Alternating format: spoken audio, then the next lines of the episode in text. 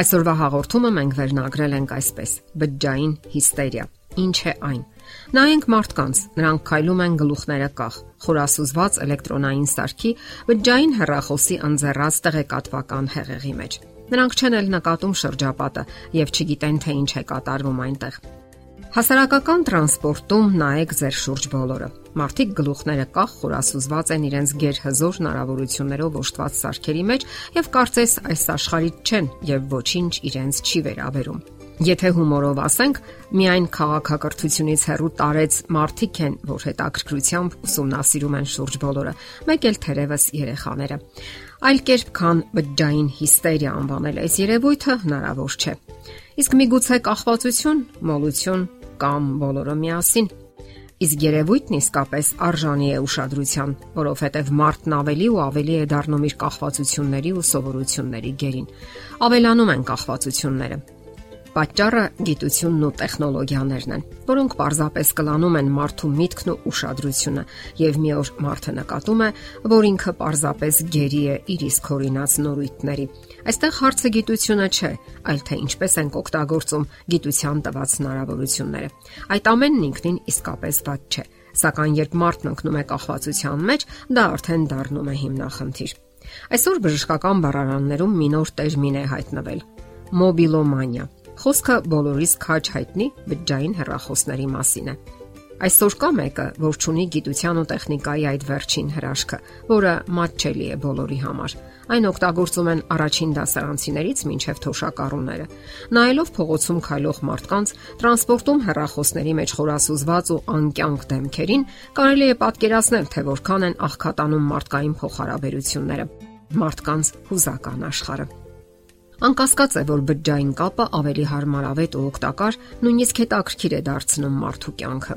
Տարեց հիվանդ մարդիկ կարողանում են արագ կապվել բժշկական անձնակազմի հետ եւ օգնություն խնդրել։ Ծնողները կարողանում են հսկել երեխաների կյանքը եւ նրանց տեղաշարժը։ Այդ կապը շատ անգամ է փրկել մարդկային կյանքեր եւ այնուամենայնիվ հոգեբաններն արդեն տագնապ են հնչեցնում կախվածություն եւ այն էլ ինչպիսի կախվածություն։ Նրանք պնդում են, որ ծայրահեղ կախվածությունը բջջային կապից համարվում է հոգեբանական խանգարում։ Այդ սարքը դարձել է մարդկային կենցաղի անբաժան մասը։ Ամեն օր արտադրվում են նորանոր մոդելներ եւ շատերն են փորձում հասցնել դրա հետևից ու ձեռք բերել նորերը, ընկնելով նաև վարկային պարտավորությունների մեջ։ Այսօր հեռախոսները կարելի է համեմատել փոքրիկ համակարգիչների հետ արտադրվում են ավելի ու ավելի հզոր հնարավորություններով հեռախոսներ։ Պատճառները, թե ինչու են մարդիկ այդ աստիճանի կախվածության մեջ, տարբեր են։ Հիմնականներից մեկը հասարակական կյանքի անկայունությունն է։ Մարդիկ հենարան են փնտրում իրերի մեջ կարճում մանրուքներից։ Այդ օրինակ կապվածությունը հաճախ վերածվում է կախվածության, որը բազմաթիվ բացասական հետևանքների կարող է հանգեցնել։ Շատերն են նշում, որ մնալով առանց հեռախոսի վախու միայնություն են զգում, որը երբեմն վերածվում է սթրեսի կամ հիստերիայի։ Այդ զգացումը ոչ հազվադեպ նմանվում է խումարության։ Նմանօրինակ զգացում են ապրում առանց ալկոհոլային խմիչքի մնացած հարբեցողները։ Երբ մարդը կորցնում է կամ մոռանում հեռախոսը, նրան թվում է կորցրել է լավագույն ընկերոջը, կորցրել է կապը իրականության հետ։ Նրանք նույնիսկ իրենց կորսված մարդ են համարում։ Առավել եւս, որ ժամանակակից հեռախոսները մի ամբողջ տեխնոլոգիական աշխարհ են, Նրանք իրենց մեջ ներառում են փլեյերի, նոթբուքի եւ նույնիսկ հեռուստացույցի ֆունկցիաները։ Հետաքրքիր է, որ այս օրինակ կախվածության առավելապես հակված են երիտասարդները։ Այդ նրանք են, որ ցանկանում են անընդհատ կապի մեջ լինել։ Հարցումներ են անցկացվել ողրզելու, թե ովքեր ցանկություն ունեն հրաժարվելու բջջային հեռախոսներից։ Օրինակ 18-ից 30 տարեկանների մեջ 38%-ը կտրականապես չի ցանկացել հրաժարվել հեռախոսից իսկ 30-ից 45 տարեկանների մեջ այդ թիվը 31% է կազմում։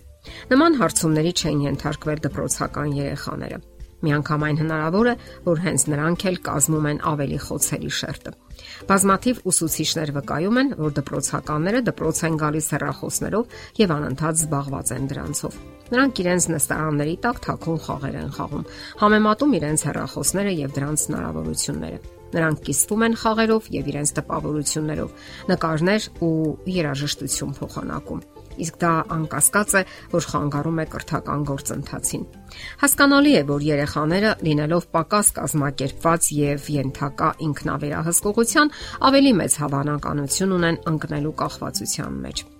Միանշանակ ընդունելով հերախոսների կարևորությունը, հարկավոր է պարզապես ավելի մեծ ուշադրություն դարձնել իրականությանը Մեր օրերի հզոր սարքերը անկասկած օգտակար են, սակայն կա մի սահման, երբ այլևս չենք նկատում իրականության ու վերացական տարածքի սահմանը։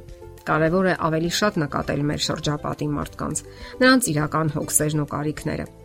Սահմանափակել այն ժամանակը, որ անց են կացնում անիրական աշխարհում։ Եթերում առողջ ապրելակերպ հաղորդաշարներ։ Ձեզ հետ է Գեղեցիկ Մարտիրոսյանը։ Հարցերի եւ առաջարկությունների համար զանգահարել 033 87 87 87 հեռախոսահամարով։